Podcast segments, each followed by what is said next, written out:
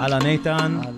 ברוכים הבאים ללקר של פודקאסט. לקר ו- של פודקאסט. טוב, היום אנחנו הולכים לדבר על נושא מרתק שנקרא קדמת הבמה, להיות בפרונט, כל הנושא הזה של לחשוף, לא לחשוף. הדברים שניגע בהם בין היתר זה שאין מה לעשות, מדינת ישראל, אני ואתה גדלנו בחו"ל, אה, אני עליתי לארץ בגיל 16 מארצות הברית ודרום אפריקה, מדינת ישראל היא מדינה צבאית, מיליטנטית, מוקפת אויבים, ויש משהו ביטחוני כזה, שושואיסטי, אל תכנס לי, ל- עזוב אמונות טפלות, כן, מרוקאים, אשכנזים, מזרחים, פולנים, זה אל תכנס לי לזה, זה אמונות טפלות.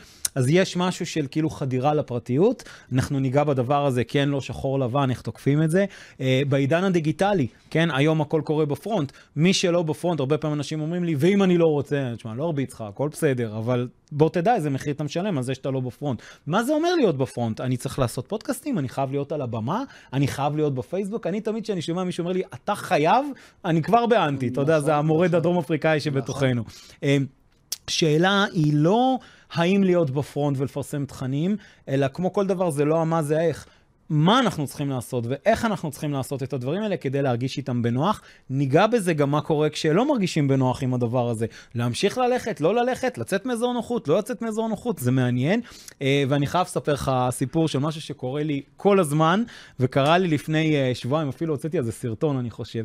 אני מסתובב בין אה, חנויות כאלה של קמעונאיות וטמבוריות וזה, ועם איש במה אתה מכירות. מסתובב? אה, עם איש מכירות. במסגרת פרויקט שאני לומד את כן. הלקוח לפני, יצאנו לסיורים בשטח אה, הזה. והגענו לכל מיני רשתות גדולות, קטנות, בינוניות זה. אני אוהב לטעום כזה קצת מכל דבר, ואז אני מבין את כן. הדברים יותר לעומק. ותוך כדי שאנחנו נמצאים בחנויות, אז אתה יודע, החנות משווקת את המוצרים שלה, הוא משווק להם את המוצרים שלו, ואז אני אה, שואל אותו, אני עובר על הפיד שלו בפייסבוק, כשהוא מדבר עם כן. הפייסבוק, לינקדאין, כשהוא מדבר עם הבעלים של החנות, וכשיצאנו החוצה אנחנו עושים ניתוח קטנצ'יק כזה, אתה יודע, מה, מה עבד, מה לא עבד, מה לשפר. אני אומר לו, אחי, תגיד, למה ראיתי את המתחרים שלך? הם uh, מוציאים פוסטים על החנויות, תקנו את זה, תפרגנו, למה אתה לא זה? תקשיב, הבן אדם משנה את המבט, הופך להיות גנרל בצבא, לא משנה, אחרי זה גיליתי היה ג'ובניק, אבל הופך להיות גנרל בצבא. גנרל. אני לא מלכלך את הפיד שלי, הדיבור שלו משתנה. אני לא מלכלך את הפיד שלי, אני לא מסכן את עצמי, מה אם הוא ככה ואם הוא ככה וזה. אמרתי לו, אחי, אני הייתי בפיד שלך, אין לך שם כלום, מה אתה מלכלך את הפיד? הפוסט האחרון שלך מ-2017, איזה זה. לא, ומה אם אני אגיד עכשיו שיקנו אצלו זה, ואז המחירים יהיו גבוהים ויבואו יאשימו? אני אומר לו, מי יאשים אותך, אחי? יהיה לך traffic של שני אנשים, אחד מהם זה סבתא שלך, מה אתה מדבר איתי בכלל? לא, ואם זה, ואז אמרתי לו, אתה יודע מה? תראה משהו יפה. אתה איש מכירות, אתה כרגע תופס את הפוזיציה של המתנגד הסדרתי. אתה מכיר את הלקוחות האלה שאומרים לך, תשמע, איתן, אני מת לקנות את האוטו, אבל אמרת שיש רק באדום וזה לא צבע שאני יכול זה. ואז אתה אומר לו, אתה יודע מה, אז עוד חודש מגיע זה, אני אביא, ואז הוא אומר לך, אבל אני גם לא רוצה לחכות חודש. אז אתה אומר לו, אתה יודע מה, אז אתמול סגר מישהו שיחכה זה, ואז הוא אומר לך, אבל גם הפריסה תשוב, ואז אתה אומר, רגע, רגע, רגע, איפה הבעיה האמיתית? אפרופו התנגדות אמיתית ומדומה. לא יכול להיות שאתה מתנגד סדרתי לכל מה שאני אומר. ונורא הצחיק אותי שאנחנו נדבר על פרגון היום גם, שאתה אחד האנשים הכי מפרגנים. שאני מכיר. כן, הקטע הזה שאנשים גם מפחדים להיחשף. אתה יודע, יש לנו איזה חשש כזה ששחררנו את זה החוצה. אני זוכר שהספר השני עומד לצאת עכשיו, ויש את הקטע המלחיץ הזה, שכשזה בחוץ, זהו. אי אפשר לתקן את זה, אי אפשר... סוף זה, העולם זה להיות כמו, כמו בעיתון, ארמגדון, כאילו אי אפשר לקחת את זה אחורה. אז אני אומר, תנשום אח שלי, אתה לא קוקה קולה זה שעושה את הפוסט, זה לא הולך לשנות את המוניטין שלך מקצה לקצה, אבל היום ניגע בכל הדברים האלה, ואפילו נביא טעימה משוק המנטורים העולמי, שוק המומחים, ניגע בכל מיני דברים כמו PBOS נסביר מה זה, TI נסביר מה זה, OTM נסביר, כל מיני... נצא פה עם מילים, buzzwords, מילים. הקהל שלנו יוכל לדבר אחרי איזה כאילו אני שבועיים. עם אה, ה-OTM והבאזוורס, חבל על אז. יאללה, בוא תפתח לנו את הפרק. אז קודם כל אני פותח אותו בצורה, פה אני פותח לכם סוד כמוס, אפרופו שושואיסט. אפרופו הגעתי ארצה מדרום אפריקה בתור חייל בודד. אה, וכשהתגייסתי, התגייסתי לסיירת גבעתי. אנחנו קילר, סיירת גבעתי. כן. אממה, באמצע השירות, באמצע תרגיל, תר, תרגיל מאוד סודי, מה זה סודי? לא סודי, שכל הצוות עושים בנבי מוסא, זה קרוב לים המלח, זה היה כן. בשנת 85. אה, מגיע טרנזיט אזרחי בלילה, בשושו כזה, ושואל, האם יש פה איזה איתן שגב? אני עולה, עושים לי מבדקים ליחידה מסווגת, יחידה שושואיסטית. אני עברתי ליחידה שושואיסטית, שזו הייתה יחידה מאוד שקופה. אבל אתם יודעים למה אני עזבתי את היחידה? לא בגלל שהייתי גרוע, בגלל שלא יכולתי לשמור ולהיות שושואיסט. זאת אומרת, העניין הזה של לשמור את הכל ממך. בפנים היה גדול. ושאלו אותי, אני הייתי שם חצי שנה, עשיתי שם דברים מאוד יפים, איפה נפלתי? נפלתי בזה. לרוץ לספר לחבר'ה? מה זה לספר לחבר'ה? הגיעה איזה קצינה מהקצינה, מה, ואני יושב איתה, ואני פותח לה, לא דפקתי חשבון. זאת אומרת, לא יכולתי לשמור את השושו, כי אני לא שושואיסט. עכשיו, איך זה מתחבר לעכשיו? אנחנו נדבר עכשיו על זה שאנחנו כאנשים לא מסוגלים, מה שנקרא, אני לא מסוגל לשמור, אני משתף את כל העולם, ואשתי, יש לי שושולנד בבית. אשתי 27 שנים עובדת בשגרירות האמריקאית. היא עבדה שם, סיימה את דרכה בשגרירות האמריקאית לפני שנה וחצי, והיא עושה הרבה מאוד פעולות ברמה גם של עכשיו המלחמה, החמ"ל, רוצה לגייס כספים, והיום בדרך לפה, בדרך לפה אנחנו נוסעים, ואז היא אומרת לי, איתן, אני רוצה לגייס כספים. אז אני אומר לה, יפה, מה את עושה כדי לגייס כספים? אז היא אומרת לי, אני עכשיו עשיתי איזה מודעה, שבמודעה אני מראה ש, אה, שישלמו לינק. לי בלינק איך לשלם. אז היא אומרת לה, מי, מי יסלוק לך? אז היא אומרת, אנשים יסלקו. אז אני אומר לה, אנשים סולקים לך? היא אומרת, כן, סלקו לי, אבל הילה, את עושה דברים נפלאים. ביום חמישי היית בצפון, ליד כברי, עם 700 קובות שעשיתם לאנשים. שלשום גייסת אה, כספים להביא אוכל לפה. את כל היום עושה דברים. מישהו רואה את זה? מישהו יודע? למה את לא משתפת? אז היא אומרת לי, תשמע, איתן, אני לא מסוגלת, אני לא מצליחה. אני במשך 27 שנים הייתי צריכה לשמור את זה בפנים. אתה יודע אבל מה הבעיה עם המשפט שאמרת כרגע? אני מאוד מאמין בדיוק שפתי. כשאשתי או כשחברים או כשלקוחות אומרים לי, אני לא מסוגל, אני אומר להם, קודם כל אתה צודק. ואז אומרים לי, אני מפתיע אותם, או כי מצפים לבד, ואז אומרים לי, מה זאת אומרת? אני אומר, תשמע, אם אתה שוטף את התת-מודע שלך ואומר, אני לא מסוגל, אני לא יכול, זה לא ב-DNA שלי, אני לא בן אדם כזה, אני לא מסוגל, אתה צודק, אתה תהפוך להיות את מה ש... נכון. מה אם המציאות היא אחרת? כלומר, מה אם בכל שנייה, אני לא אגיד לך שבן אדם בן 80 יכול להיות אסטרונאוט ונוחות על הירח. אתה יודע, בוא, יש את האדם הסביר, כן? למרות שעשינו דברים הזויים מזה בכדור הארץ. אבל אני אומר, תשנה את הטרמינולוגיה. אם אתה כל הזמן עסוק נכון, בלהגיד לעצמך נכון. מה אני לא יכול, אתה יודע מה, לפני שאתה אומר מה אני כן יכול, הפעולה הראשונה שאני עושה במקרה כזה, אני אומר, תפסיק עם השלילי. אתה לא צריך להגיד לעצמך, אני אהיה ראש ממשלת ככה, ובסדר, עזוב רגע. קודם כל, אל תלקה. כאילו, אל תבוא ותגיד, זה, אני מדבר לפעמים עם הילדים שלי, ואז הם אומרים, זה מי שאני. נכון, זה תשובות... אתה עוד לא יודע מי אתה. אני בן 45, אני לא יודע מי אני. אתה יודע, יא פישר בין... ולא רק זה, מה את צריכה לעשות? מה את צריכה לעשות? את תמונה עם כמה מילים, ואת כותבת נפלא. ומי כמוך יש לה בבית אה, סוס טרויאני לטובה, אתה יודע, רק תביא לך את התמונה, אתה מפרק לה את כל מה שצריך שם. נכון, נכון. עכשיו, אז בדיוק על זה אנחנו נדבר. אתה יודע, יש לי קולגה שמתעסק בתחום שלי, והוא עושה סטורי לפני סדנאות. אני בחיים לא עושה סטורי לפני סדנאות, אני לא סובל את זה. אני גם תמיד אומר שבשיווק ומכירות, תתנסה ותעשה מה שטוב לך בסוף. תחשוב שאני בא ואומר לך, הנה חליפת ארמני, הכי נוחה שלבשתי אי פעם. בסדר, הכי נוחה שאני לבשתי אי פעם. זה לא עכשיו מחייב שהיא נוחה לך. אבל למה אתה מתכוון עושה סטורי? תסביר לאנשים. לפני, לפני שאתה נכנס מכירות, אוקיי. חברים, הנה אני כאן, איזה אנרגיות, תראו. אה, הוא מעלה סטורי ב... כן, או, כשהם עושים איזה תרגיל. או בפייסבוק. כן, עכשיו אה, אני, יש לי גם את אוקיי. הצד השושואיסטי שלי. אז אם אני עכשיו בסדנה והחבר'ה בשיעורי בית ועובדים, אני לא זה שאף... אני במסעדה, לא אוהב שמפריעים לי, אני בזה... אני עם פיזור קשב, אני לא זה שיסתובב בינם, תראו איזה יופי, הם עושים שיעורי בית. אני זה שיפריע שם, אבל אני לא אתעד את זה כן, ויצלם כן, בזה. כן. וישבתי איתו איזה יום אחד, ואנחנו חברים טובים, מדברים הכי פתוח, אתה יודע, הוא מבקר אותי, אני מבקר אותו במובן הכי כיפי שזה. אמרתי לו, תגיד, למה אתה עושה את הסטורים האלה? הוא אומר לי, כי זה מה שעובד וכי אני חייב. אמרתי לו, קודם כל אתה לא חייב. אתה כל הזמן בא אליי, אתה אומר לי אתה ואתה, אמרתי לו, אני לא עושה סטורים בחיים, באמת, אני לא זוכר, אתה יודע מה, אולי עשיתי אחד ב-15 שנים, לא עושה את זה. ואז אמרתי לו, כשאתה אומר לעצמך, אני חייב, זה כבר לוקח אותך למקום זה. נכון. אמרתי לו, זה לא מרגיש שאתה אוהב את זה, זה לא מרגיש אותנטי. זה... הוא אומר, אבל זה מביא פרנסה. אמרתי לו, תקשיב, אז או שתשנה את זה, תנסה להתחבר למקום, מה אתה רוצה להגיד בסטורי הזה? כאילו, חוץ מתראו, הנה אני מעביר, יש עוד משהו, תתמקד בקהל לצורך העניין, ו...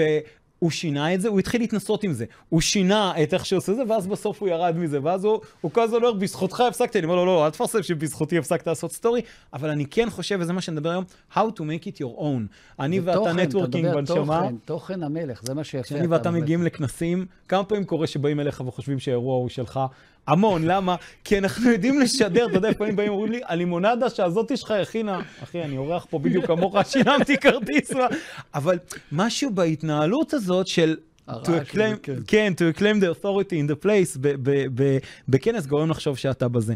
אז הנושא הזה של קדמת הבמה מאוד חשוב. אני רוצה רגע, אני כשאני מוכר משהו למישהו, אני משתדל לסגור מכל הכיוונים, אתה מכיר את שיטת הבחירה שלי, ולהביא כמה שיותר ידע, אני מאוד מאמין במה שנקרא educational selling, consultant selling, אני מאמין בלייצר אבנים ואז לאט לסגור את זה. ואז אנשים אחרים תמיד אומרים, ואז לחנוע, לא, אני לא חונק לקוחות, אבל אם אני רוצה לשכנע אותך לאכול ירקות וזה בריא, אז זה לא מספיק שאני אגיד לך, תאכל ירקות. אני צריך עכשיו to educate you, להסביר לך מה קורה כשאתה אוכל סוכר ומה קורה כשאתה אוכל זה. נכון, לחנך. אני רוצה שנדבר רגע על שוק המנטורים העולמי, בסדר? בוא נפתח שוק, רגע, שוק, שנייה, שוק, בוא שוק. נסתכל על השוק האמריקאי, שוק. שהוא השוק הכי גדול בעולם של המנטורים, מכניס מיליארדים, נלמד באוניברסיטאות הכי מובילות בארצות הברית, ב-Ivy League, עכשיו ה-Ivy League דווקא בכותרות מכיוונים שלא טובים לנו, אבל משם אבל- זה כיוונים טובים, מלמדים אפילו מה שנקרא את ה-experts economy, כלכלת תעשיית המומחים.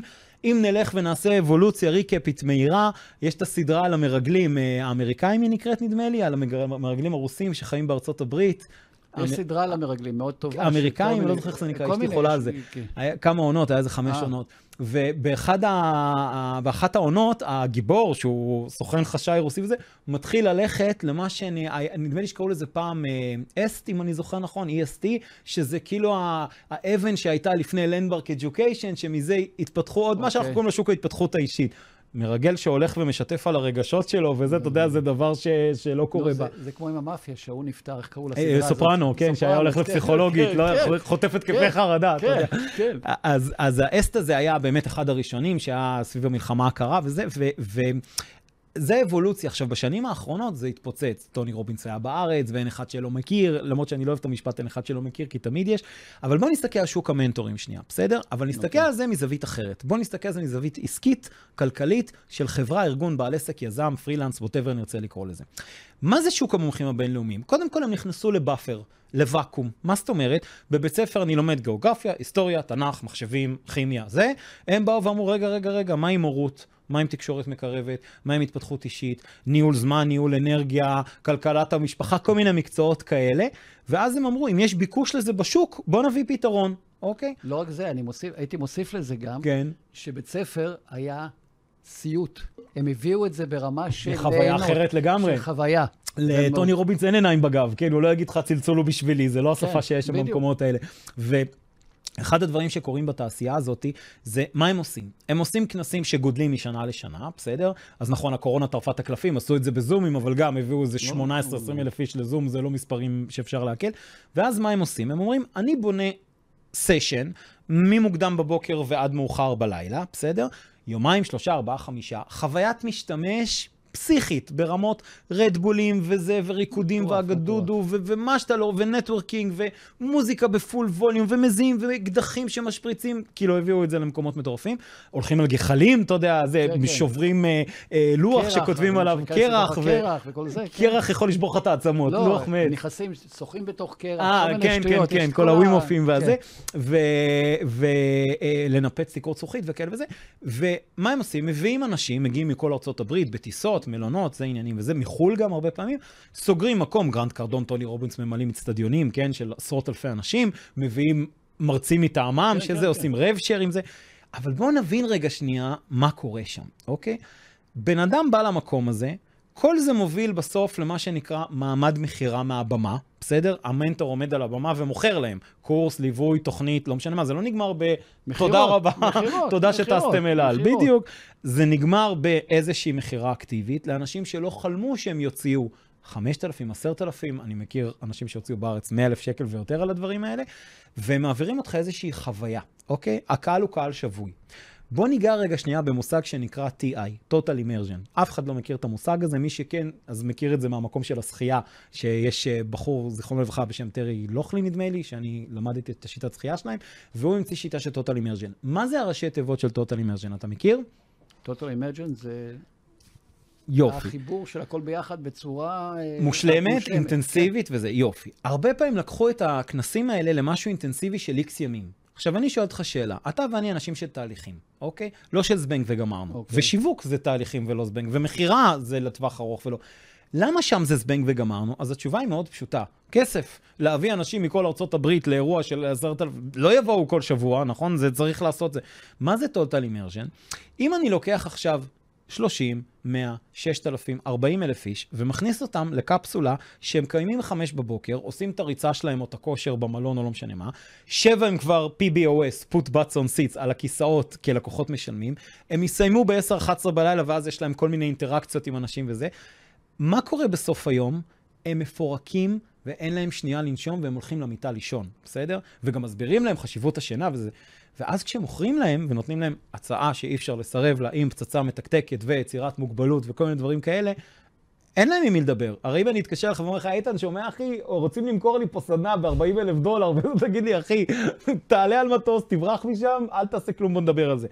כשאתה מהבוקר עד הלילה בתוך הקפסולה הזאת, זה משרת את תהליך המכירה. אני לא אומר שנייה טוב או רע, אני מדבר שנייה, אתה יודע, אני לא, אוהב על לדבר על... המכירה עצמה. זה התהליך מכירה, TI total immersion, שמים אנשים ביחד, אין להם זמן לדבר עם חברים וזה, אין את הסביבה הזאת שאומרת זה לא מתאים, כל מי שנמצא שם עובר את אותו תהליך כמוך, אז אין את הסוסים הטרויאנים שאומרים לך בוא תחשוב על זה עוד פעם וכולי. אז שמים אותם במקום הזה, תחשוב שזו חוויית מכירה מדהימה. בסדר? מביאים אותך לקצה ביום השלישי, רביעי, חמישי, לא משנה כמה זמן, ועושים את המכירה. עכשיו אני רוצה לקחת את זה שנייה לעסקים, בעלי חברות, ארגונים, אוקיי? איש מכירות ממוצע או בעל עסק אמור לעשות בערך 2-3 פגישות ביום, לא כולל שיחות טלפון באמצע, תלוי אם הוא נוסע לפגישות או בזומים, פגישות אפקטיביות, בסדר? של שעה, שעה ורבע, לא פגישה חרטא של 10 דקות, אוקיי? יופי. אנחנו מדברים כאן, תחשוב, 52 שבועות בזה, חמישה ימי עבודה, אתה מדבר פה על 500, 600, 700 פגישות בשנה, אוקיי?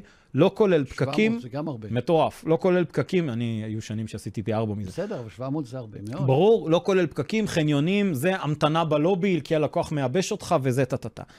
מה אם היית יכול לאסוף את כל הלקוחות הפוטנציאליים שלך שנה מראש, בינואר, לא לחכות עד דצמבר, בינואר, תזרים מזומני פגז, לשים את כולם בחדר, לתת להם חוויית משתמש פגז, הידע הכי מונגש, הכי פרקטי, הכי טוב, הם, המנטורים האלה עובדים שנה על אותה הרצאה שתהיה הכי טייט, הכי מהודקת, הכי טובה. עכשיו אני אשאל אותך שאלה. שנינו אנשי מכירות מעולים, כן. בסדר? פגישת מכירה ממוצעת של בעל עסק, בסדר? נגיד סתם שעה של פגישה. אתה צריך לתת לי ציון של הלקוחות שלך, או חברים, או קולגות, לא משנה מה, של פגישת מכירה שלהם, מ-1 עד 10, בהינתן השוואה לשוק המנטורים. בוא נניח שכל החבר'ה המנטורים הטובים האלה, ניתן להם את הציון 9, כי נגיד אוקיי. ש-10 זה לקדוש ברוך הוא, בסדר? נגיד. נגיד שהם 9. אוקיי. עכשיו אני צריך שאתה תיתן לפגישה ממוצעת שלך או של חברים שלך ציון בהינתן ה buffer של התשע. מה הציון שאתה נותן לדבר כזה? לי. לחברים? לא משנה, תן לי טווח. נגיד 4, 5. יו, חמש עוד נסחפת, אני בין ש... בהשוואה לתשע של החוויית זה, והליכה על גחלים. אני מנופח. אמרתי גם חברים שלך, בין שתיים לחמש, בסדר? אוקיי. נגיד פחות או יותר. ואז אני שואל אותך, סיימת את הפגישה, מה תעשה כדי להביא את השתיים או את החמש לתשע? אז התשובה היא מאוד פשוטה. אה, איתן, מה נשמע? זה לוטן, זוכר, דיברנו לפני זה, מה זה? פולו-אפ, נכון? מתקדמים? אופולה, ושולח פה איזה סרטונים, שולח... זה לא יביא אותך לתשע. אני אם- יודע. אם כבר זה יוריד אותך מחמש לשלוש, נכון? כאילו לעשות את הפולו-אפים האלה. זה נהיה קשה. כלומר, נוצר פה מצב שהמעמד מכירה מהבמה, אוקיי, שמעביר תוכן וידע וחוויה, אי אפשר לייצר אותו בפגישת מכירה. גם רוב האנשי מכירות שאני מכיר הם לא תשע, הם הרבה פחות מזה. לא עושים הכנה מוקדמת, לא, מדברים ברור, יותר ברור, מדי, לא ברור, שואלים את ברור. השאלות הנכונות, לא מתכוננים, לא עושים אה, אה, חיזוק מכירה הרבה מאוד, כשלא לא יודעים לוקחים מי הפניות. הלקוח, מה הצרכים, הרבה הרבה הרבה דברים. מה יכול לכפר על הדבר הזה? התשובה היא להיות בפרונט. מה זאת אומרת? אתה ואני אנשים בפרונט, אפשר לצפות בנו ביוטיוב, בזה, בפלטפורמות, לצרוך תכנים שלנו. אם אתה משכיל לתת כל פעם איזשהו תוכן על למי אתה עצמך, מתכוון להיות בפרונט? לא אכפת לי מי אתה ומה העסק שלך, או אפילו עזוב מה העסק שלך, איש מכירות לצורך העניין בארגון, אתה יודע שמכל הארגונים שאני נמצא בהם, וברוך השם אני נמצא בהרבה מאוד ארגונים, אחד הדברים הראשונים שאני בודק זה כמה מאנשי המכירות ועובדי החברה כתוב בפייסבוק, בלינקדין, איפה הם עובדים. אתה יודע מה האחוזים של זה? כמה עובדים כותבים שהם עובדים בחברה כזאת? מאוד נמוך. כלום ושום דבר. יש חברות שזה הרבה, אבל רובם זה כלום. איזה חברות? או הטייקונים המאוד, זה, או הייטק, יופי, רוב כאלה יופי. סטארט-אפיסטים, הייטקיסטים, אה, כן, הייטקיסטים. אתה תראה שיש להם הזדהות טוטאלית עם החברה, אני אומר דבר מאוד פשוט. בלינקדאין. אני אומר דבר פשוט. אם אתה מבין שאין דרך בעולם שתוכל להשיג את התשע מפגישת מכירה ושיחת מכירה, שיחה זו עוד פחות מחמש לצורך העניין, בסדר? כי בפגישה אפשר קפה ועניינים וזה. אם אתה מבין, אז אתה חייב, חבר טלפוני, אתה צריך איזה כלי עזר, איזשהו משהו שעוזר לך. עכשיו, אם אני מבין שבשביל שאיתן יסגור איתי עסקה, הוא צריך להבין שהמוניטין שלי טוב, שאני נחמד, זמין, walk the talk, אמין, שירותי, זרוק את כל הסופרלטיבים, לא ידפוק אותו, המוצר שלי טוב, ההבטחה שלי, הפרסום איתו, כל הדברים האלה, אם אני אדע לייצר ברשתות או בכל מיני מקומות של להיות בפרונט, פודקאסטים, סרטונים ביוטיוב, לא משנה מה, ניוזלטרים, טקסטים, אם אני אדע לאט לאט לתת לך את כל הדברים האלה בשמש אסוציאטיבית, זה ייצר לך מצב שקל לך יותר לקנות ממני. אני מקטין, אני קונה ממך את חלק מהסיכון של העסקה, אוקיי? אתה יודע מה קופץ לי על מה שאתה אומר? כן, כאילו לא, תספר לי. ברור, כי אתה עוד לא יודע, אבל איש מכירות, אפילו לא, אני, אני מסתכל על זה בצורה מצחיקה. הרי ממה הוא מתפרנס? עמלות, כסף, בסיס. עכשיו, מי מתפרנס? זה לא רק הוא, גם אשתו. בכול... כמה פעמים אתה רואה את האישה שהיא היא, היא, היא מחוברת לפוסטים שלו, למסרים שהוא מעביר. דרך אגב, זה לא רק האישה, כן? זה גם הפוך. הגבר כן, לאישה, כן, האישה כן, לגבר, כן, כן. האבא לילד, כאילו, כן, הם שניהם אבל כמה עובדים. זה קורה? כלום, אפס. כלום. עכשיו, היא, בסופו של דבר, היא מרוויחה מזה. ברור. היא מרוויחה מה, מה, מהקטע הזה. רגע, אני אגיד לך יותר מזה, דיברנו על פרגון, נכון? כן. עזוב אותך ואת אשתך. אתה גם מפרנס עוד כמה אנשים, אבל אתה בעל עסק, יש לך נכון. מישהו שבונה לך אתרים, יש לך מי שעושה לך את ההדרכות, יש לך מי שעושה לך פה את הפה. כלומר, זה לא רק איתן ואשתו, זה עוד לוויינים מסביב. נכון. גם הם יכולים לפרגן ולהרוויח מהדבר הזה. זה מה שנקרא, דרך אגב, לגדול עם הלקוחות והספקים, נכון. כן? אבל יש משהו במדינת ישראל, אנחנו דווקא בתקופה מעניינת עכשיו של האחדות בעם ודברים כאלה ש... אני אגיד לך את האמת, יש בי חלק בפנים, זה כמו שאתה כמעט עושה תאונה, אתה נזהר ליומיים, שבוע. אחרי חודש זה כבר היסטוריה הדבר הזה. כן. אני מאוד מקווה שזה יישאר איתנו תקופה ארוכה ולא ייעלם יחסית אה, מהר, אבל אני חושב שה... ה, אני לא חושב, אני יודע, להיות בפרונט הזה ולתפוס את קדמת הבמה, זה משהו שאתה יכול לאט-לאט לשדר על עצמך דברים. ואז אנשי מכירות, ו- ואז השיח משתנה מול הצד השני, ואז אומרים לי, מה אתה רוצה שאני אעשה? אז אני אומר, קודם כל, אני לא רוצה כלום. אני, ברוך השם, עושה לביתי, הכל בסדר. אתה צריך לרצות לעשות לעצמך. אז זה דבר אחד, אני לא רוצה שתעשה שום דבר, אתה צריך לרצות. שתיים, אני שמח, כי השאלה הזאת מעידה שיש התקדמות מסוימת, כן? זה כבר לא אנטגוניזם, אלא אוקיי, מה לעשות? ואז אני אומר, אז, אז רגע, אז הכותרת כרגע היא לא האם לעשות, אלא מה לעשות, כן. אוקיי, בוא נדבר. אם אני עכשיו מפרסם רכיבות אופניים שלי, ריצות וזה, מה אתה יכול להסיק עליי כבן אדם? נגיד שישבנו לפגישה שניסיתי למכור לך משהו, בסדר? מה אתה יכול להסיק עליי אם ראית אותי עושה את מרתון תל אביב? גם ספורטאי, ספורטאי. גם, גם עוסק בספורט. בריא גם, יותר, עוסק בריא, בספורט. ספורט. מי שעוסק בספורט, מה כאן, איזה תכונות יש לו? גם, גם יש לו מוטיבציה יותר גבוהה, נכון. הוא גם חי את החיים, הוא גם הישגי. יעדים. גם... מי סביר שיאחר לך לפגישה או יאחר לזה? בן אדם שעושה ספורט או לא עושה ספורט? זה שלא עושה ספורט. אוקיי, אז אנחנו כבר מסיקים הרבה דברים. עכשיו, אם באותו פוסט, גם אתה רואה את אשתי מחבקת אותי כשהגעתי לנקודת הסיום ושני הילדים ונותנים לי כן, כל... כן. אז אתה גם, אז אתה אומר, רגע, זה לא רק ספורט, אז הוא גם הישגי וזה... משפחתי. משפחתי, ואוהב אדם, ויש לו ילדים יפים. תראה מה זה, פוסט מעפן של תמונה של מרתון תל אביב. סתם, אני לוקח דוגמה הכי בנאלית, אני תמיד אומר, כן. תתחילו מהבנאלי ואז תפליגו, בסדר? תראה כמה דברים ענינו כמה פה. אינפורמציה. זה עוד לפני שכתבנו ניוזלטר, זה לפני שהקלטנו פרק פודקאסט, זה לפני שעשינו סרטונים וכולי. כלומר, השאלה היא רק מה עובר ללקוח בצד השני. אז פה נגענו בתכונות מסוימות. עכשיו נגיד שאני מפרסם לוגו של הלקוחות שלי, או לקוחות מפרגנים, עדויות וזה. מה עוד אתה משתף כאן? אחד הוא עובד ויש לו לקוחות.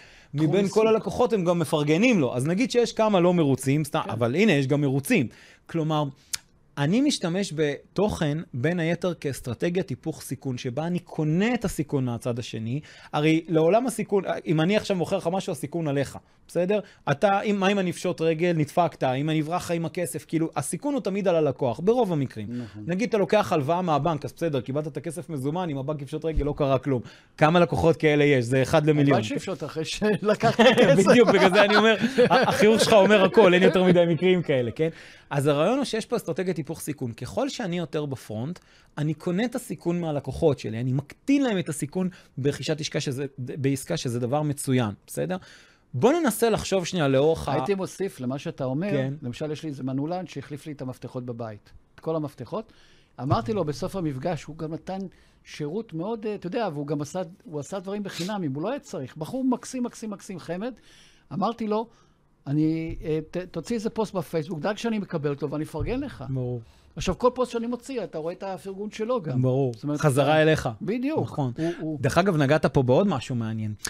זה לא הייתי אומר אם היינו חיים ברוסיה, בארצות הברית או, כן, ב, כן, או כן. בזה. אני מדבר על מדינת ישראל. כן. אחד המאפיינים שלנו, אנחנו מדינה פיצית. שנינו גדלנו במדינות ענקיות. ישראל מדינה פיצית. עכשיו אתה תבוא ותגיד לי, או אשתי לפעמים שואלת אותי, מה, מה מעניין אותי, ה... למה מעניין אותך המנעולן? הוא לא קהל היעד שלך, או לקוחות. אני אומר לה, תקשיבי. כשאני עושה קמפיין, ואני אטרגט את קהל היעד, ואני בארצות הברית, ואני מוכר מוצר לצעירים בני 18, אין לי מה לטרגט זקנים בני 80, בסדר? או אם אני מוכר ייעוץ עסקי והשכנה שלי מורה בבית ספר, אין לי מה לשווק. מדינת ישראל, יש לה שני מאפיינים. היא קטנה והיא חמה. חמה לא פיזית, גם כן. פיזית, אלא חמה בטמפרמנט. אוקיי? אנחנו מאוד אוהבים, אתה יודע, ל- ל- כמו שאמרת עליך, כן, שאתה כן. לא שושואיסט, שאתה אוהב לספר כן, דברים. כן. אם השכנה שלי היא מורה, בסדר? אבל אולי קרוב משפחה שלה הוא מנכ"ל או לא משנה מה זה. נכון. כלומר, אני רוצה לאט לאט לחבק את הקהילה אליי, בסדר? ככל שהם יבינו יותר טוב מי הבן אדם שנמצא בצד השני, ככה כשהוא מפרגן לך, זה לא רק הוא, זה הוא והחברים שלו. נכון. אני מבטיח לך שלמנעולן שלך, בספר טלפונים יש לו גם איזה חבר, מנכ"ל או מישהו ספר שיכול מה? להיות... מה? בספר ספר טלפון. טלפונים, בספר זיכרונות, כן. כן. אני עוד מהדור ש... היה- איך- כן. איך קראו לזה פעם? העגול. הדפי זהב? לא, איזה דפי זהב? אה, זה- היה לנו עגול כזה על השולחן. ש- כותבים, כן, כן, אני יודע. אה, יש לזה שם שמתחיל הכרטיסיות. בפ', פ- פ- כמו פרופוגנדה, יאללה, לא שכחתי את השם הכרטיסיות. האלה. האלה, כן, היה אפשר לתלוש ולקנות מילואים, אבא שלי היה כן, קונה לי כן. כל הזמן מילואים, הייתי אומר לו, אבא, מה, אתה יודע, היה מילוי, כן, הייתי אומר כן. לו, אבא, כ- כמה שקל שאתה חושב שיש לי בגיל שמונה. ל- משהו עם פי, יאללה, אני אזכר אחרי זה. אז הנושא הזה של להיות בפרונט הוא מאוד חשוב. עכשיו, פנקסון, לא משנה. לא. בחו"ל יש איזו מילה אנגלוסקסית. הרעיון הוא שאנחנו רוצים להבין, אתה יודע, הרבה פעמים אומרים לי, אבל אם אני מפרסם תכנים, אז אני כאילו נכנס לפרסונה מסוימת, או מקים איזה אבטר מסוים. אני אומר, אתם יכולים, אני נגד זה. מה זאת אומרת? אני חושב שכל אלה שעסוקים כל הזמן בתדמית שלהם, אם הם מצליחנים, שאתה מכיר אותי המון שנים, בסדר? ועברנו ילדות טראומטית ומאוד כן. דומה, אתה ואני. מה שאתה תשאל אותי, אתה תקבל תשובה אמיתית, בסדר? אני דרך אגב אוהב הרבה יותר לדבר על הכישלונות שלי מההצלחות שלי, כי מהם אני באמת לומד.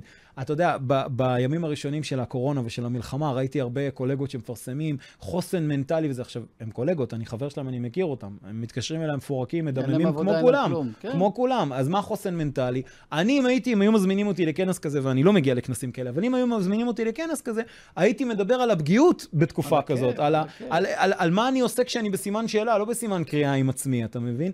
הרבה פעמים אנחנו מפחדים להפגין את הפגיעות הזאת החוצה, לא אבל רק זה משדר אותנטיות. אנחנו בדיוק, זה לא רק שמפחדים, זה, זה, זה לא אמיתי, זה מזויף. לגמרי. ו- וזה לא אומר שאנחנו צריכים לזייף, אבל ה- הקטע הזה כן, זה מאוד בולט בתקופה. כל האלה שאומרים תעשו, תעשו, תעשו, עם האגו. אתה יודע מה מצחיק אותי?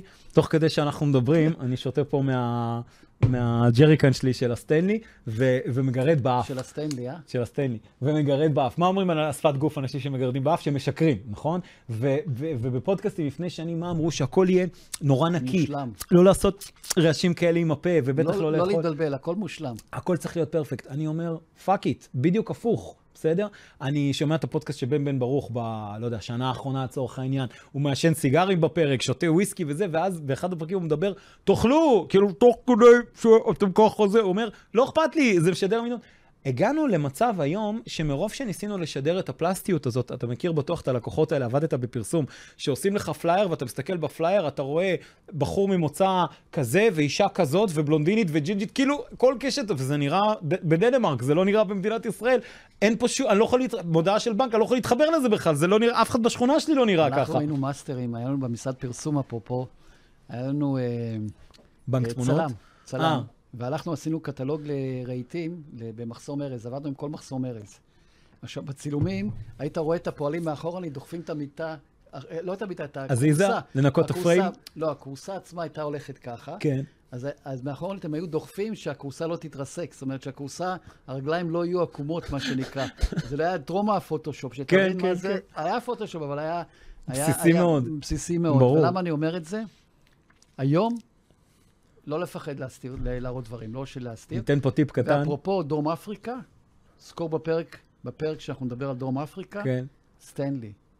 אוקיי. אבא שלי קראו לו סטנלי. באמת? כן. מה, אני חולה על המוצרים שלהם. סטנלי יש גם את הכלי עבודה וגם את ו- התרמוסים. ואפרופו סטנלי, למה הוא עברה את השם שלו? ש... שאול. שהוא הגיע ארצה והוא התחיל לעבוד במכון הייצוא הישראלי נו. וזה. אז אה, בן גוריון אמר לו שהוא צריך לעברת את השם. למה הוא עברת אותו? לא יודע. מה זה סטנלי גם? לא יודע. יש רובה שנקרא אה, סטן. גן, סטני גן, נכון, נכון, נכון, סטן. נכון. נו. עוזי. קרא לעצמו עוזי? אז. אתה רואה, הסיפורים של העולים כן. החדשים שדופקים להם שמות כמו זה, קורה גם לדרום אפריקאים. לא, הוא רק ל- בעצמו המציא את זה. אה, הוא עוזי. המציא את זה לעצמו? כן, אמר עוזי. הבנתי. אמרת כן. מקודם, זה משפט שאני אומר הרבה, ולמה אני אומר את זה. אני, כשאני עובד עם בעלי עסקים ואנשי מכירות, אני אומר להם להגיד מדי פעם, ולמה אני אומר את זה, ולמה אני שואל את זה, את האו זה או זה. הרעיון הוא שיש לנו הרי את המודע ואת התת-מודע, זה כזה טיפ ביניים למאזיני. הפרק. ברגע שאנחנו שומעים שבן אדם אומר, ולמה אני אומר את זה, או למה אני ש- ש- אה, שואל את זה, מה שקורה, התת-מודע אוטומטית נרגע. מה התת-מודע אומר? אה, הוא הולך להסביר לי. עכשיו, באינטראקציה, בדרך כלל אנחנו בחוסר ודאות, בטח אם זה מכירתי. הפרק הזה יהיה מעניין, לא יהיה מעניין, כמה זמן הוא יהיה, כמה לא, מה יקרה בו, על מה הם ידברו, ואני אצא עם כלים, אני לא אצא עם כלים, אנחנו כל הזמן בחוסר ודאות. כן. כשאתה אומר למישהו, ולמה אני שואל את זה, או ולמה אני אומר את זה, בטח כשאתה משנה את האינטונציה ככה, התת-מודע נרגע, כי משהו בו משדר, אה, הוא הולך לספר לי. עכשיו, אם תחשוב על זה, זה מצחיק, הרי מה שאמרת לפני, שאמרת ולה... זה גם היה שיתוף, ומה שמגיע, זה... אין הבדל, אבל זה מייצר הקפצת קשב מצד אחד, ומצד שני מרגיע. אז זה אחלה טריק, אני משתמש בו הרבה. אז עכשיו בפרק הזה אני לא אגיד את זה, כי, כי אתה לקחת את הזה. בוא נסתכל רגע שנייה, כן. בוא נדבר על איזה אלמנטים אנשים שמקשיבים לנו כרגע, יש תמיד שואלים אבל אותי... לפני זה, כן, הייתי חוזר לנושא הזה של ה...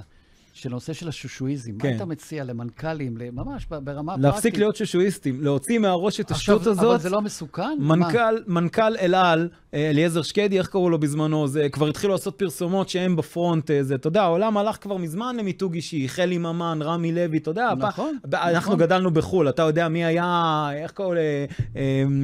רשת סופרים הזאת בדרום אפריקה, שכולם כ- הישראלים קנו בה, אה, וואי, ברח לי.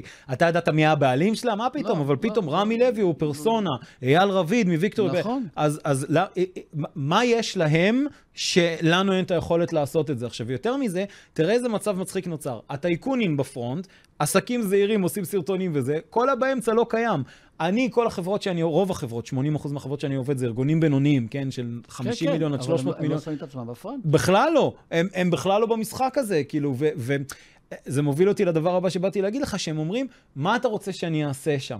בוא, בוא, נ, בוא בוא- ניתן כן, כמה מצוין, כלים וניתן כמה מצוין, כיוונים, מצוין. מה מנכ"ל של חברה יכול לעשות. בוא קודם כל נתחיל ממשהו נורא פשוט, נחזור אוקיי. לשוק המומחים. אוקיי. כל מנכ"ל שאנחנו, רוב המנכ"לים שאנחנו מכירים, יודעים להסביר על הפעילות של החברה הרבה יותר מאנשי המכירות. לצערנו הרב, אבל זה המצב. נכון. אני יושב עם אנשי המכירות, מדבר איתם, מגיע למנכ"ל, שומע דברים שלא שמעתי ברצפת המכירה, ואז מה אומר? לוטן, סמוך עליי, הם יודעים את זה. אני אומר לו, אחי, אני לא יודע לסמוך עליך, לא, לא, לא, לא התחתנו, אני אומר לך מה שמעתי בשטח. בשום שיחת מכירה זה לא נאמר. בוא, אתה רוצה תשלח לי שיחות מכירה חודש אחורה. זה שאתה אומר לי שהם יודעים את זה ולא אומרים את זה, זה לא מעניין. אז קודם כל, מה אני אומר להם לעשות? לעשות את זה. כלומר, להיות ב front, לקחת את קדמת הבמה. עכשיו יש פה טריק. מה זה אוקיי. הטריק? הטריק הזה הוא מול עצמנו. אנחנו האויבים הכי גדולים של עצמנו והמנטורים הכי גדולים אוקיי. של עצמנו. מה מה זה הטריק? אל תבוא אליי ותגיד לי, אני לא מתחבר לזה או, או זה. אחד, תעשה עבודה מנטלית, תגיד, אם אני נותן צ'אנס, אני all in בפוקר, בסדר? שמתי את הז'טונים, אני עכשיו עושה מה שצריך. שתיים, אם עשית מה שצריך, אל תספר לעצמך איך זה לא יעבוד, כי אז אתה עוד פעם נופל בסעיף הראשון. שלוש, אם אתה כבר עושה את זה, תעשה את זה מספיק פעמים. כי אתה יודע, לפעמים אני יושב עם אנשי מכירות מלמד, ואז הם אומרים לי, סבבה, ואז הם שולחים לי וואטסאפ בערב, היום ניסיתי את מה שאמרתי, זה אבל לא עבד. אני אומר לו, בסדר, נו, אז, אז עוד לקוח שלא עבד איתו. ולא רק שלא עבד, אני פרסמתי ואני שמתי פה, שמתי ולא היה תגובות. ולא היה תגובות, אף אחד לא התייחס אני אליי. ואתה, כמה זמן לקח לנו עד שהגענו ל traffic ול... וגם אצלך, אני זוכר הרבה פעמים, אפרופו, אתה מדבר על traffic, אני זוכר לוטן עושה פוסטים ארוכים, ומקבל ארבעה, חמישה תגובות. ברור. כן היה סגירות מאחורי הרקע, אבל בהתחלה היה תחושה שזה... גם אל תשכח שהקהל שלי הם לא בעלי עסקים, אני קהל יודע, יותר אבל הם בכיר, הם כן לא קוראים. אוהבים להגיב לדברים האלה בכלל. אבל זה יצא מצוין, כי מאחורי הקלעים, בסופו של דבר, הם למדו, וכשהורדת, ברור. אז הם, הם באו ו... אני אגלה לך סוד? בסדר? אני לא יודע אם סיפרתי לך את זה או לא, אני אגלה לך סוד. שני דברים באותו סוד.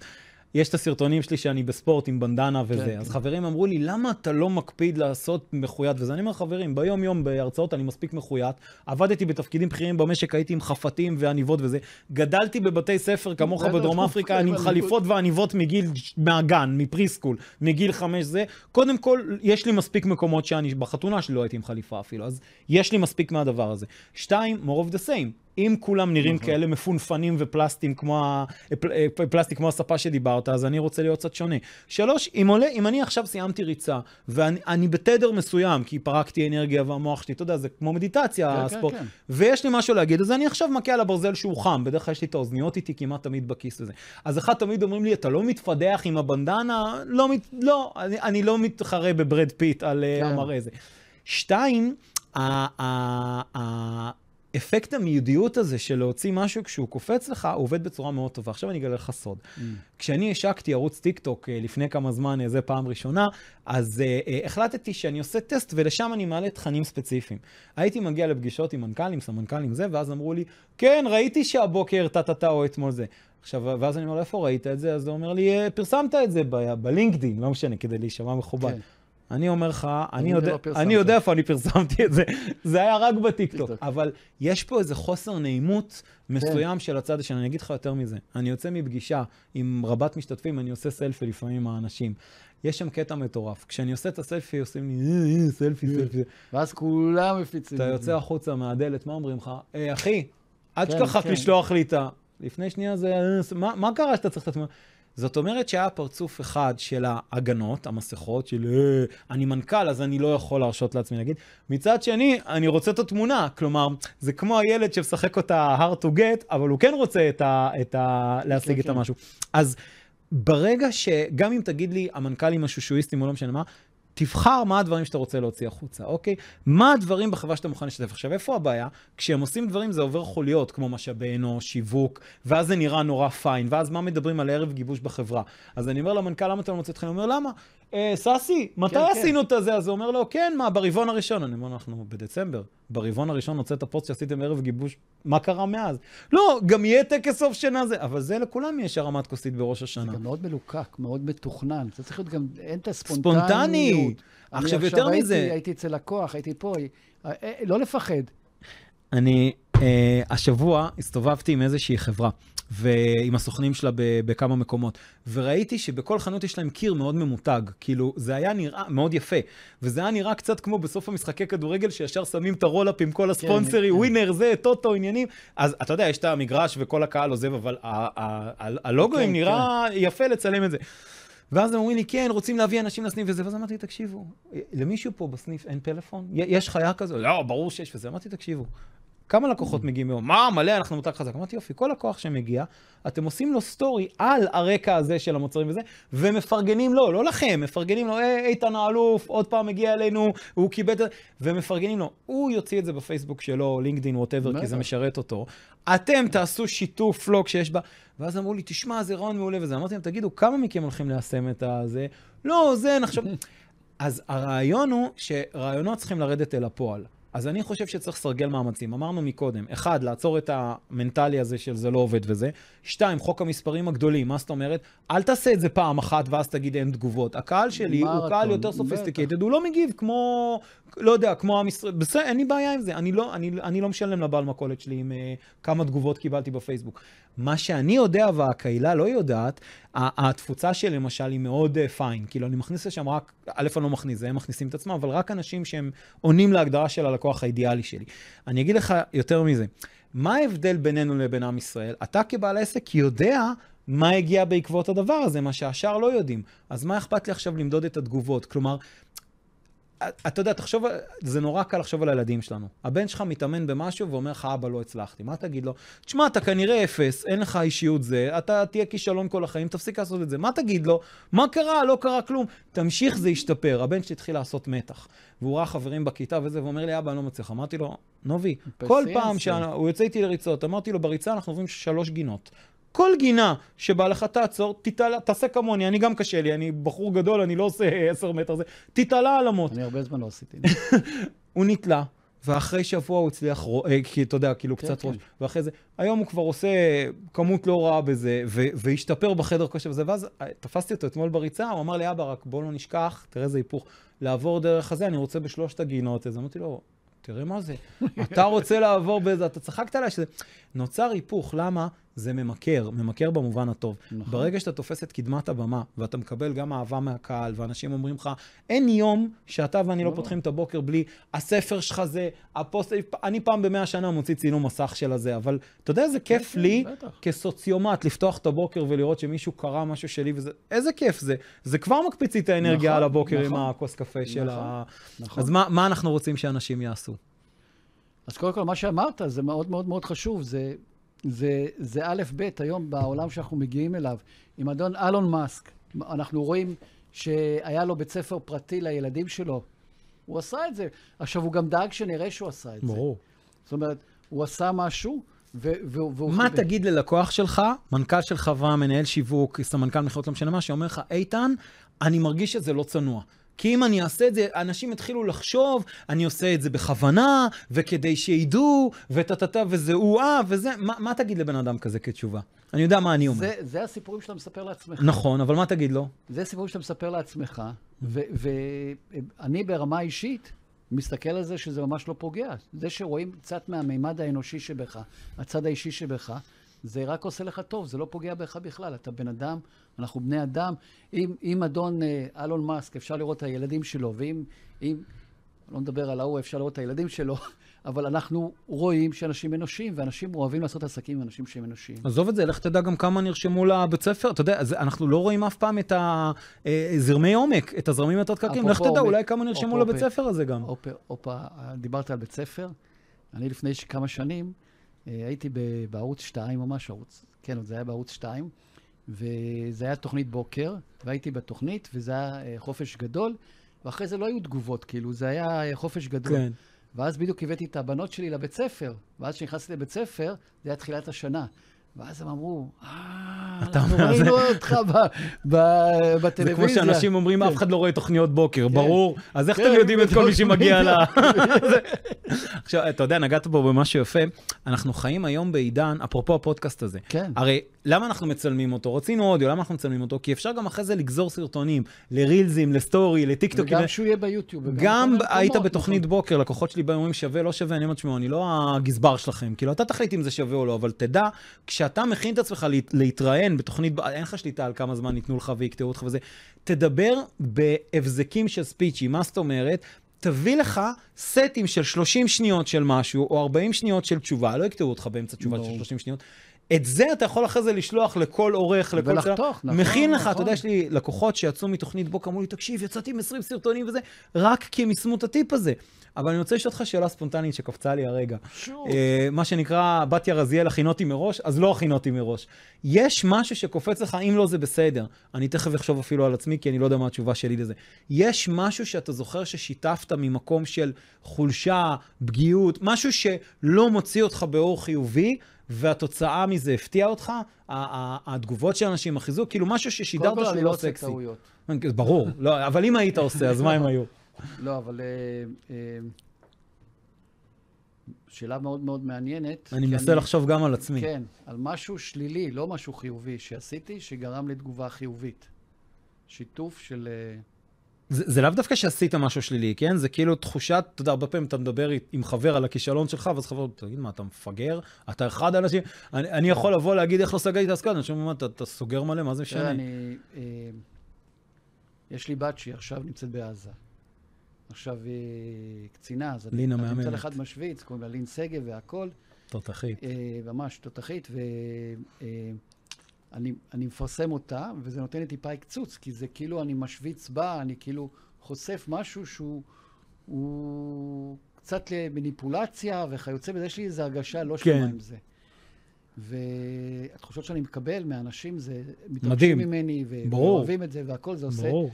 וזה זה מתחבר גם לסיפור אחר, שאני אני, אה, במקור, הוא לא בא ממקור, כל הרצאה שאני פותח או סדנה שאני עושה, אני מראה את הצילום המשפחתי שלי. ברור. ואז אני מראה את הבנות צבעוני. שלי. כן, אני מראה את הבנות והכל, ואז אני מראה את תאריך שלי. תאריך הוא בן 11, הוא ילד שנולד להורים אריתראים, אנחנו מגדלים אותו כבר 11, 10 שנים, הוא בן 11, 10 שנים, ואני יודע שאנשים מתלהבים מזה. מצד שני, אני לא שלם עם זה, כי אני מרגיש שזה מין מיני מניפולציה. אבל אני מרגיש שזה כן עושה טוב, כי אני מעביר מסר אני. אגיד לך אבל מה מדהים בזה. אני חושב שדווקא להוציא את הדיאלוגים, אני גם משתף המון בכישלונות, ולא לא משנה איך לי, אני לא חושב שיש דבר כזה כישלון, לא, לא. כן? אני, אתה יודע, יכול לתת לך פה, אנחנו, לא, לא, אנחנו אני... חברים טובים, אני משתף אותך כן, תמיד כן. בהכל, אבל אני חושב שברגע שאתה פותח את הדבר הזה ואומר, הנה פצע, ואתה עכשיו מתבונן בו, ומנקה אותו משיפוטיות, כמו שאתה עושה כרגע, אז אני חושב שזה נותן המון כוח לאנשים. כי לא חסר ברשת, תראו אותי, תראו אותי, איזה מדהים אני, איזה... ברגע שמישהו פתאום אומר, הנה, כן, זה משאיר לי תחושה, אני יכול להגיד לך, כשאני אה, לפני 14 שנים התחלתי לעשות סלפי בסדנאות וזה, לא סבלתי, אני לא בן אדם של סלפי. דרך אגב, יש לי שני סלבים שהצטלמתי איתם עד היום. אחד לפני שבועיים בעוטף פגשתי את יאיר גולן, אמרתי, אני חייב, בן אדם מעורר השראה. עשיתי, ושתיים, לפני תשע, עשר שנים, אה, אילנה אביטל, הגיע אבא שלי חולה עליה, הגיע לאיזה אירוע של איזה כנס שעשינו, עשיתי שני סלפים. כאילו לא עשית איתי סלפי? אה, בסדר, אני גם עושה עם עצמי סלפים, אני לא אוהב את זה, כאילו, אתה יודע, זה לא הפורטה שלי כן, לצורך כן. העניין בזה, אבל... עם השנים אמרתי, נשוך שפתיים, תעשה, תעשה, ופתאום אני רואה, מנכ"ל בא ואומר לי, ראית שעבדת עם אליה? ראיתי שעבדתי, אבל עכשיו איפה רואה שעבדתי איתם? אני לא מפרסם את זה, נכון. זה מהמקומות האלה. נכון. ואז אמרתי, אוקיי, זה לא חייב להיות הדבר שאני חייב. ואני אגיד לך יותר מזה, יש לי חבר שאחרי הצבא, חבר מאוד טוב, הוא היה עובד באל על, והוא היה ב control room מתאם את השיבוץ של הטיסות לטייסים. ולא זוכר איך פעם אחת נכנסנו לשיחה, והוא טיפוס קצת יותר שתקן, בטח בהשוואה אליי. ואז הוא חוטף עליי קייס ואומר לי, מה נראה לך? שהטייסים לא יוצאים עליי? אתה מדבר על לקוחות שיוצאים עליך וזה וזה. אמרתי לו, אח שלי, מה, בוא, בוא, יש משהו שאתה רוצה לשתף, תשתף. הוא אומר לי, אני מתקשר אליהם בשתיים בלילה, מעיר אותם, הם backup לטיסה כן, זה, כן. כי, כי טייס אחר חולה, חום, כן, לא כן, משנה מה. הוא אומר, הם בוכים לי, טייסים בוכים לי בטלפון. אני עם חום, אני לא זה, הבן שלי יבכה עכשיו, עשיתי בנגקוק לפני שבוע, אמרו לי. עכשיו הוא אומר, אחי, שתיים בלילה, אני רק, אני לא מקבל ההחלטות. אני, לא, אני, אני, לא אני המודיע. כן. והוא סיפר וזה, ואז הוא אמר, ואז הם מגיעים לטיסה, וכל הצ'קאפים, כי הם צריכים להגיע הרבה לפני, ואתה יודע, פתאום נחת לי איזה אסימון, אתה עכשיו אומר אסטרונאוט, טייס, אתה יודע, יש לי אה, כן, אה, כן. קרוב משפחה שהיה נווט, והוא תמיד מכניס אותנו לתא הטיסה, הוא אומר לי, אחי, מה שאתה מתלהב, שאתה רואה נוף, אומר לי, אצלי זה לא נוף, זה מה אני רואה כל הזמן. אני רואה את כל הבדיקות שאני צריך לעשות וזה, והבנתי מגיל מאוד צעיר, הייתי אז בן שש כשהוא מכניס אותי לתא, אין מקצוע מושלם. אין חיה כזאת. גם אתה ואני כ- כאנשים שאתה יודע, מנהלים אה, דברים. יש גם דברים פחות, עכשיו הספר החדש יוצא, אני צריך לבנות לו עמוד מכירה. לא בא לי. לא בא לי, אני אחרי 300 עמודים של כתיבה חמש שנים, לא בא לי לכתוב עמוד מכירה. אז הבחור שזה לי את האתר, אומר לי, לוטן, היינו בשיחה הזאת מאה פעם, אתה יודע שאתה לא תיתן לאף אחד לכתוב את זה חוץ ממך. לא בא לי, כתבתי 300 עמודים, היו 500, נגזרו 200, נשאר 300, עשיתי את שלי. זבשי, זה מה יש, אף אחד לא יעשה את זה בשבילי. אז להגיד לך שאני יושב עכשיו ונהנה מכתיבת עמוד? לא, אבל אני ייהנה מאנשים שיקראו את הספר ויהיה להם טוב ויקחו כלים. כלומר, אמרת בתחילת הפרק, זה הסיפור כן. שאנחנו מוכרים כן, לעצמנו, כן, שזה גם הקעקוע היחיד שיש לי על הגוף. הסיפורים שאנחנו מוכרים לעצמנו, הם התחלת הסיפור, הם אמצע הסיפור והם סוף הסיפור. אני יכול להגיד לך שבגיל מאוד צעיר בקריירה שלי, הבנתי שהקטע של storytelling ותוכן הולך להיות מפלצת. אחד הדברים שהבנתי זה שאנשי מכירות, לא מספיק הבלה בלה שהם אומרים בפה, הם יצטרכו להיות storytellerים. עצרתי את החיים שלי, הלכתי ללמוד תרצה גרנות, copywriting, הלכתי ללמוד בסם שפיגל, כתיבה מקצועית. שילבתי בין מכירה לבין תוכן, שאלתי את עצמי מה הם הסופרים הכי מוכרים בעולם היום, אנשי מכירות, איך הכתיבה הזאת הייתה נראית. ברגע שאתה מתחיל לעשות דברים, אתה יודע, אתה בורא מציאות, ואז השוק נכון, מתקן אותך. נכון, ואז נכון. הרבה יותר קל להתמיד. אני חושב שכמו כל דבר, כמו התנעה של רכב, וכמו שאני יוצא לריצה בחוף, החלק הכי קשה זה לשים את הבגדים הטרמיים, כשאני בחוץ הכל בסדר, כבר זה לא, זה לא מעניין. ברגע שאנשים תופסים את קדמת הבמה, הרבה יותר קל אחרי זה. אז הם לא צריכים לראות עכשיו את כל היוטיוברים, יש ילדים בני שמונה יוטיוברים שלא רואים אותך ואותי ממטר ברמת ברור, ההפקה. ברור, ברור. אלא פשוט להתחיל לנוע קדימה ולעשות את הדברים האלה, זה אני חוזר שנייה לשמש האסוציאטיבית. לאט לאט הלקוחות מקבלים ממך עוד פיסה ועוד פיסה יותר מזה. אתה מפקד היחידה, אתה מנכ"ל של חברה, האנשי מכירות שלך, אנשי שיווק שלך יראו את זה, ירצו ללקק או לרצות, או לא משנה, כל אחד באופי שלו, וגם יתחילו to act like you ולשתף פוסטים נכון, שלך. נכון, נכון. וזה משהו שמייצר זירי עומק ועובד בצורה... ולא לפחד, זה לא חייב להיות מושלם, זה לא צריך לעבור דרך כל המחלקת ה-PR. לגמרי. הרי הכל המחלקה... ההפך, אני אפילו הייתי אוסר על זה. נכון, זה לא צריך להיות ה-PR שזה עובר, אני זוכר שתמיד היה, אתה יודע, עובר לעיתונות, עוד היה עידן העיתונות, שהכל עובר לעיתונות, זה אתה, תהיה אותנטי, אל תפחד לצאת לפעמים ביציאות, לפעמים זה יכול לעשות לך פדיחות. ואם אנחנו מסכמים את מה שהיה פה, אז לא להיות שושואיסטים, לא לפחד זה בסדר להיות שושואיסטים בדברים שאתה לא רוצה שיצאו, אתה יודע... אני ואתה אנשים מאוד בפרונט, שיהיה לך בהצלחה להוציא ממני מחזור מכירות של חברות שאני עובד איתן. זה לא אומר נכון, שאם נכון. אתה בפרונט אתה דברן או, או לא, מוציא לא, דברים. ברור, ברור, ברור. ברור.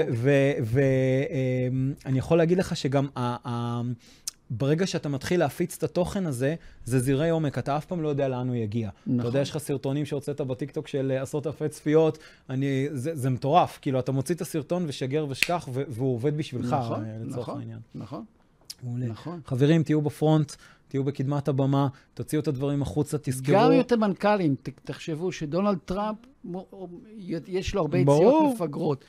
גם אילון מאסק. אה, אפרופו וישן, יש איזה בחור בשם וישן שהוא הקים את Mindvalley, אם לא שמעתם על זה. הבחור מספר גם על הפאקים שלו, על הדברים שהוא, ברור. שהוא נכשל בהם. הוא חושף את עצמו, הוא חושף אותו. לא לפחד. אנחנו עושים טעויות, אנשים אוהבים אנשים שעושים טעויות, הם לא מחפשים שהכל יהיה מושלם. ברור, אין מושלם.